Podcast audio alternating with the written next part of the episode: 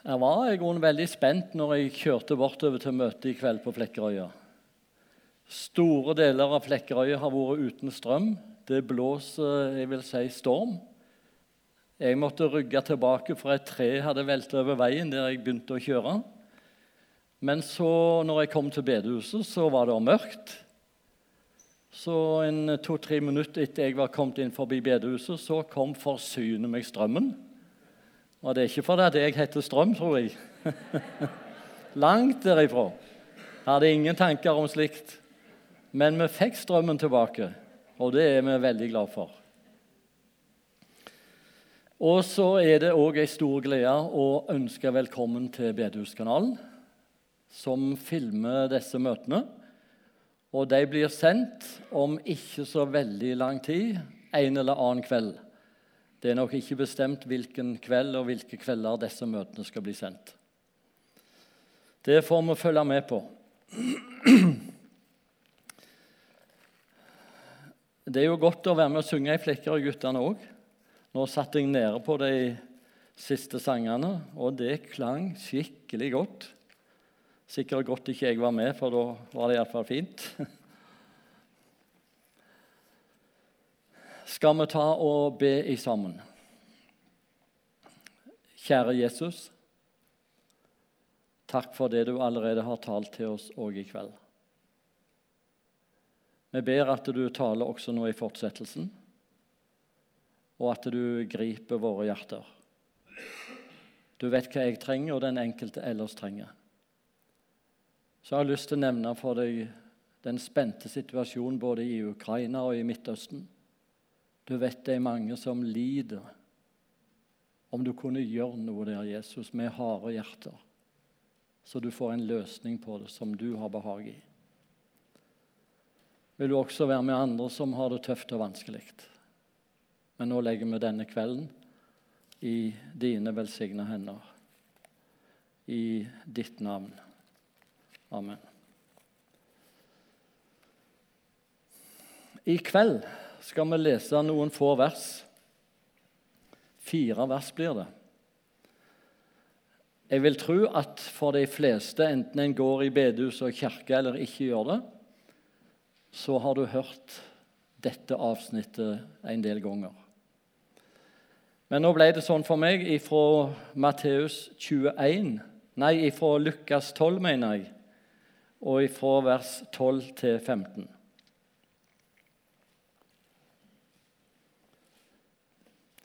Dagen etter fikk den store folkemengden som var kommet til høytiden, høre at Jesus var på vei til Jerusalem.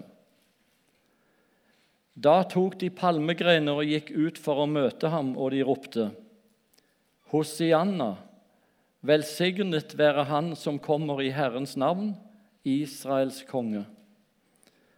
Men Jesus fant et ungt esel og satte seg på det som det står skrevet. Frykt ikke, Sions datter.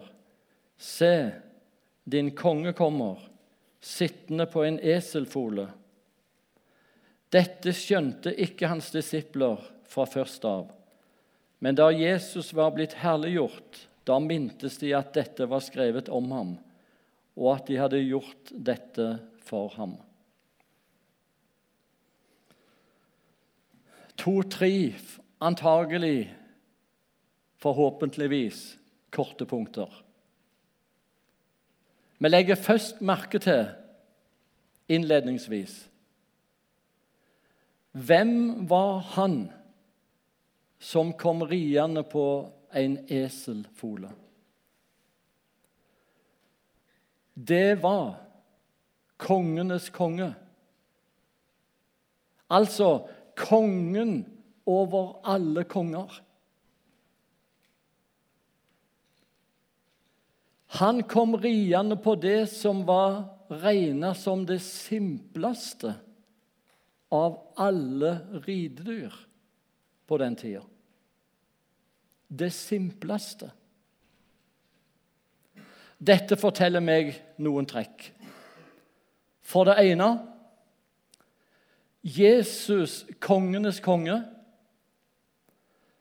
han gjorde seg sjøl liten. Det var typisk for han, det. Tenk det står om han. Han var en gang lik Gud. Større enn det går det ikke an å bli. Men han gav av seg selv avkall på å være Gud lik, og tok en tjeners skikkelse på seg. Og han steg ned ifra en himmel til ei syndig jord. Og når han ble født på denne jord, ble han født der prinser og prinsesser blir født. Han ble født der dyr fødes. Så smått. Kongenes konge. Seinere opp gjennom livet hører vi ikke så mye om han, litt grann i tolvårsalderen. Aller mest fra ca. 30-årsalderen til han døde på et kors, sto opp igjen og reiste hjem. Hele veien i hans jordeliv. Kongenes konge gjorde seg liten. Tenk for en nød han måtte kjenne på han var i i Getsemane. Der han grudde seg så kolossalt til noe som skulle komme. Disiplene sovna. Og leina sto han der. Da han kom opp til Golgata-høyden de hengte han opp på et kors mellom to ugjerningsmenn, røvere, mordere. Og hva skjedde da? Kongenes konge hadde vi stått ved sida av og sett så hadde vi selvsagt oppdaga i og med han ble nagla fast til et kors, så ble deler av hans legeme knust. Ødelagt. Kongenes konge. Men det var gjerne ikke det verste for han. Én ting var at hans legeme delvis ble knust. Men han måtte rope ut, 'Min Gud, min far, hvorfor har du forlatt meg?' Jeg er far til flere. Det er fire. En del barnebarn, til og med to oldebarn. Det skulle du vel ikke trutt, men det ser ut som dere tror det, ja.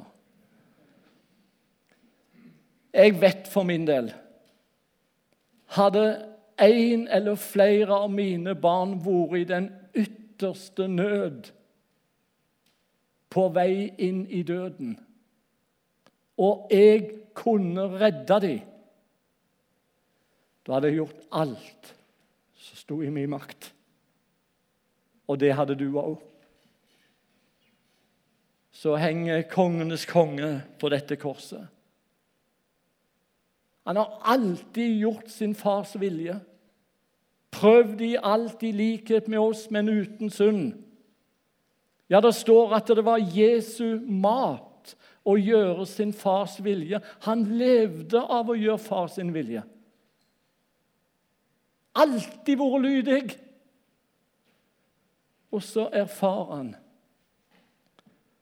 Pappa trekker seg tilbake, kjennes det som.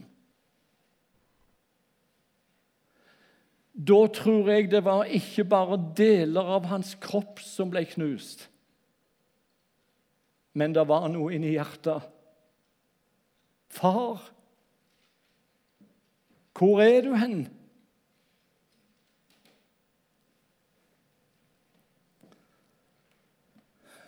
Og så kan jeg tenke meg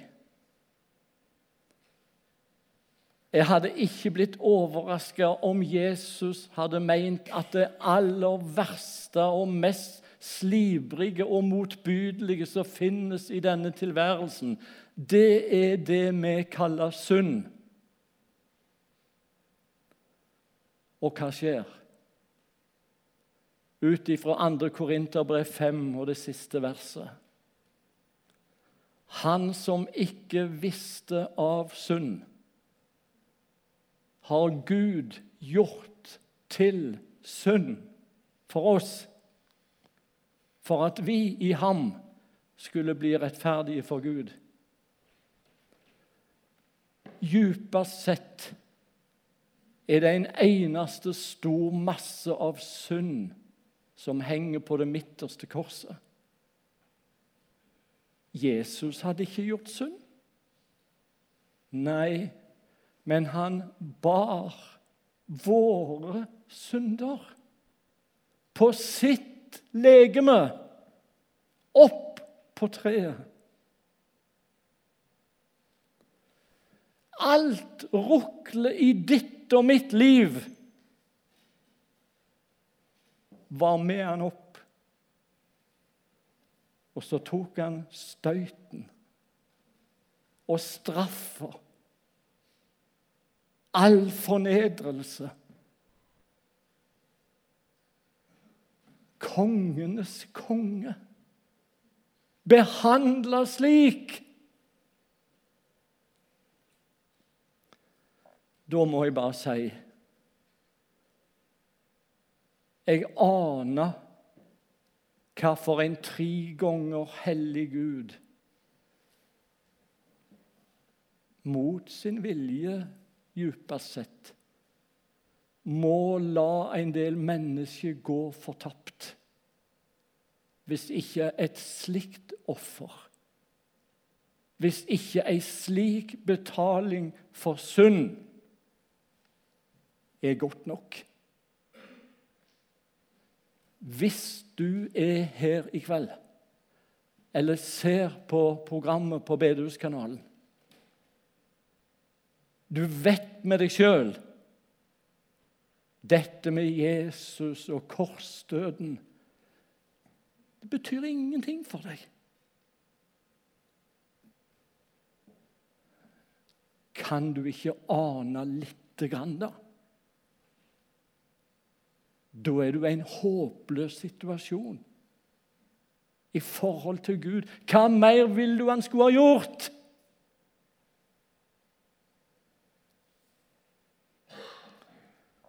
Neste punkt.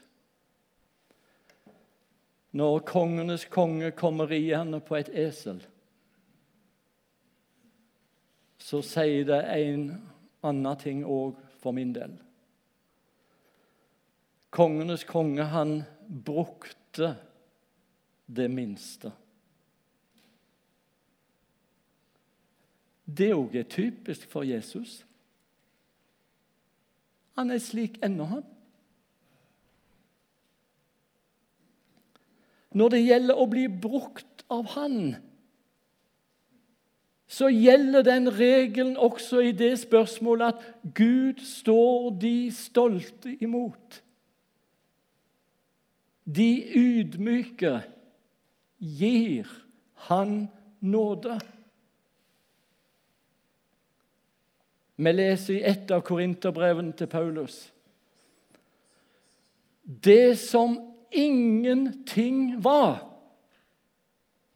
det utvalgte Gud seg for å gjøre til intet det som var noe, også i å bli brukt. Vi leser om Johannes døperen. Han var den største som er født av kvinner, altså på naturlig vis. Men hva står det mer om Johannes døperen? Når han ser Jesus komme gående og rope ut 'Se der Guds lam som bærer verdens synd', så må Johannes si til sine disipler 'Jeg er ikke engang verdig å løse hans skoremmer'. Han skal vokse. Jeg skal avta. Johannes, den største i Guds øyne, født av kvinner. Han ble veirydderen for frelseren, kongenes konge.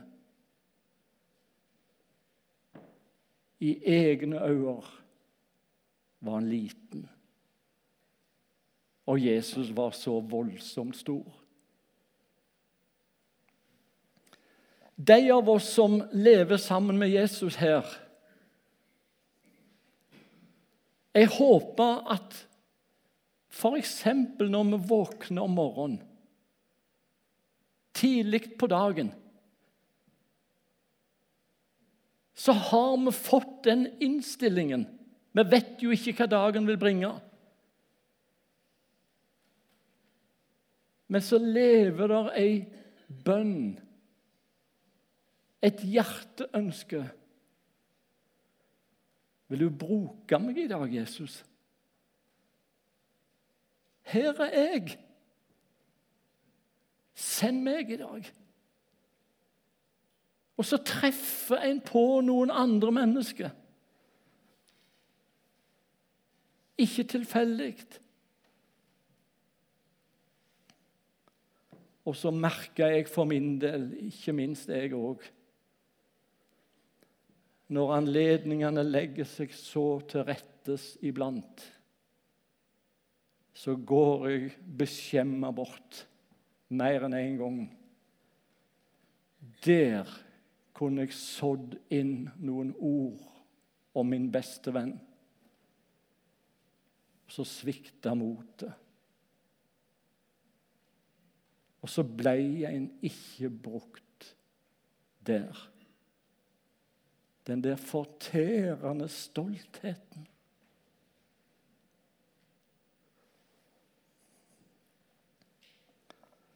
Ikke så mange måneder siden så skulle vi etter spørsmål besøke en mann som nok ikke hadde mange ukene igjen å leve. Kona var en kristen. Hun hadde så inderlig lyst til at mannen òg skulle bli det. Han var hardt angrepet av kreft. Og vi kjørte bort. Kom inn i stua. Jeg hadde fått noen ord jeg ville dele med han. I stua den dagen så var et av de nærmeste familiemedlemmene ellers til stede. Og så tenkte jeg ikke nå. Det passer ikke. Så kom tanken. Jeg får sikkert en ny anledning. En god time å kjøre, bare. Det lager seg. Vi hadde ei grei stund. Jeg gikk slukøra hjem. To dager etterpå så var han flytta. Det river ennå. Feigingen. Gud alene vet hvor han gikk hen. Men for en mulighet jeg hadde. Og så kom stoltheten. Jeg håpa vi kunne være en gjeng Jesus-venner.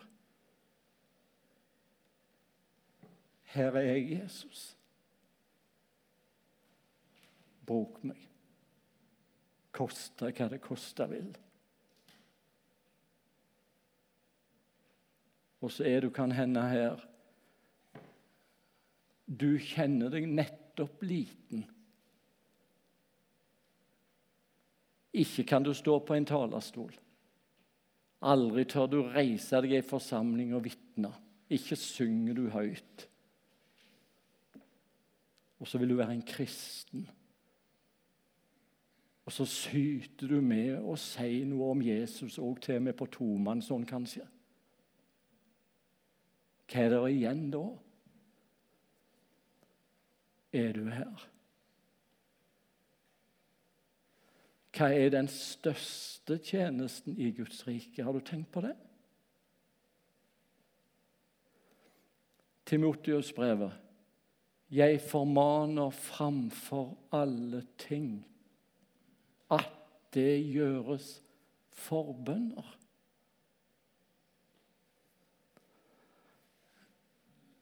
Jeg har tenkt det er så lenge siden vekkelsestidene har kommet over Sørlandet òg.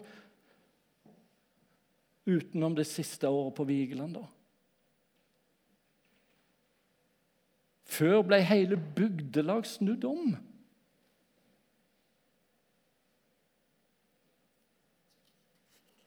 Hvorfor ikke slik nå? Det var en som sa det slik. Når Jesus sier 'når du ber', gå inn i ditt lønnkammer. Og det du ber om i lønndom, skal lønnes i det åpenbare. Jeg tror kan hende det var flere som krøp avsides i lønndom før. Jeg tipper det midt på dagen, på kvelden, på morgenen. Det er de minnene jeg har etter mine besteforeldre, iallfall. Og så brøt det fram i det åpenbare når vekkelsen kom. Ikke for at det skal være noen soveputer om du er her, som ikke syns du er til nytte i Guds rike på noen andre måter. For vi kan av og til ta det som en unnskyldning, og så bare bry vi oss unna alt. Den store grøfta i dag er vel ikke at vi er for frimodige heller motsatt. Men du Den som kryper mye i lønnkammeret, får neppe navnet sitt på noen plakat. Får neppe navnet sitt i noen avisannonse. Blir ikke lagt merke til utenom av Han. Du har verdens viktigste tjeneste. La det være sagt, det. Siste punkt.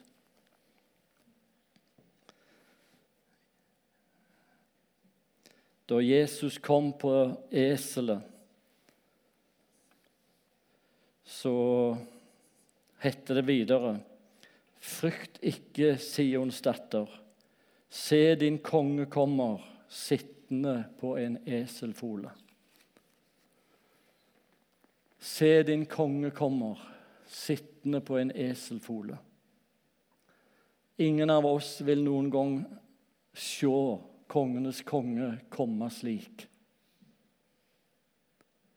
Men Bibelen, hvert 27. verset i Det nye testamentet, er innom den sannheten at han som kom på eselet den dagen, han skal komme igjen.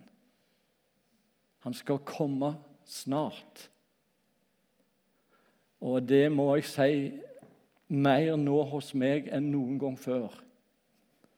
Når du ser hva som skjer, ikke minst i Midtøsten. Når jeg vet at jødefolket som har vært spredt rundt på alle kontinent i mange hundre år, og så har Guds ord forutsagt de skal komme tilbake til sitt eget land og bli værende der når det nærmer seg slutten. Og hva har skjedd? De kommer på ørnens vinger med fly fra omtrent alle verdens hjørner. Landet bygges opp. Og du, hvis vi nordmenn hadde vært spredt slik som jødefolket har vært i så mange år og skulle tilbake til vårt land her oppe i Norden,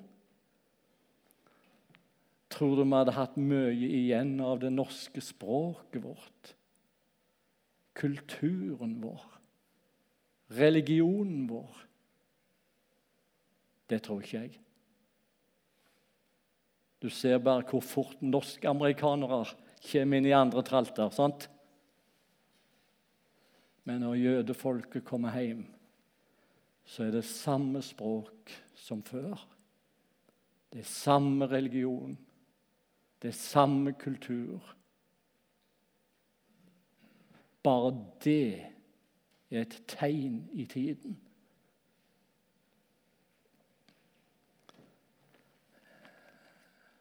Noen måneder før jeg ble frelst som 18-åring, så plutselig kom det på nyheten i Norge at seksdagerskrigen De kalte han jo ikke det til å begynne med, for de visste ikke han skulle være så kort.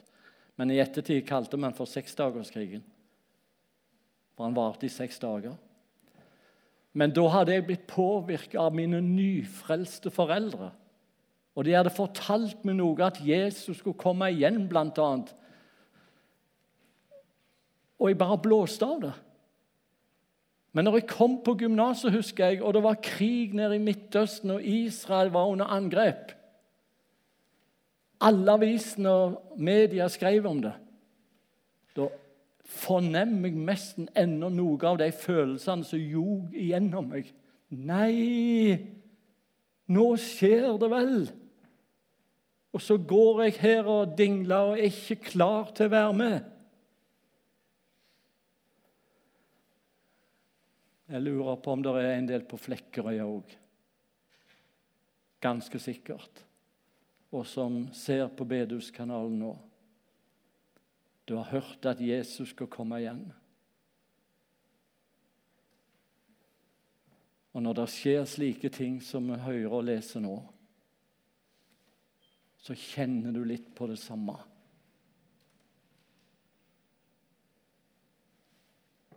Jeg må bare spørre om Jesus kom nå før dette møtet var slutt. Ble din stol tom? Ble din stol tom?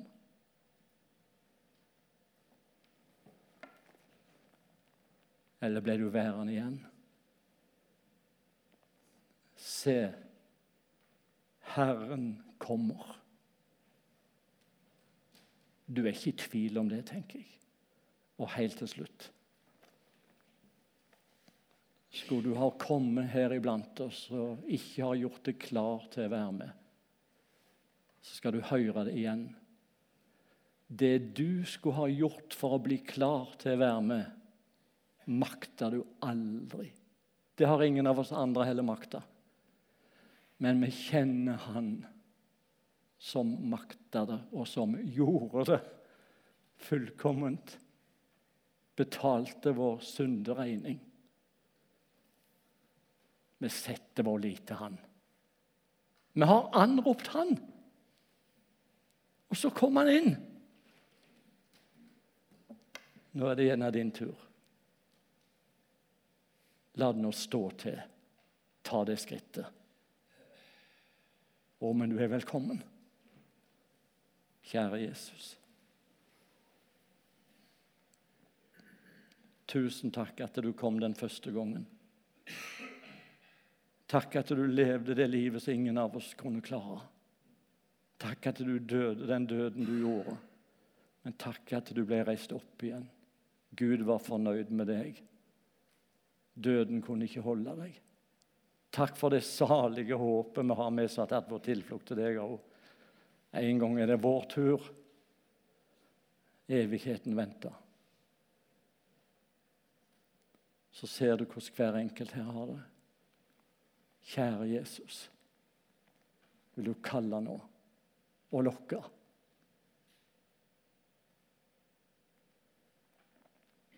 I ditt navn.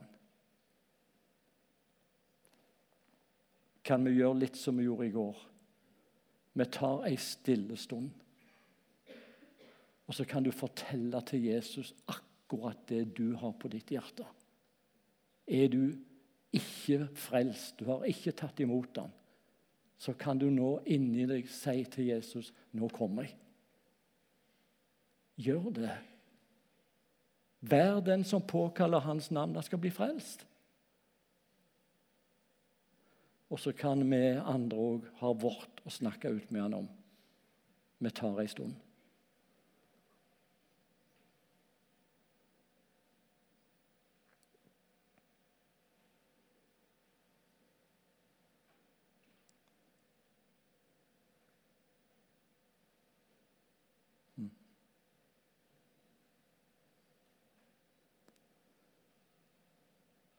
Kjære Jesus. Takk at du er her. Så ser du om det er noen som har tatt det første vaklende skrittet i kveld og tatt sin tilflukt til deg for å bli frelst. Takk at du har tatt imot. Vil du stelle med oss at vi kunne være på post både i lønnkammeret og når vi treffer noen som vi skulle ha sagt noe til. Kjære Jesus, vil du sende vekkelse, fornyelse? Og vi ber i ditt navn.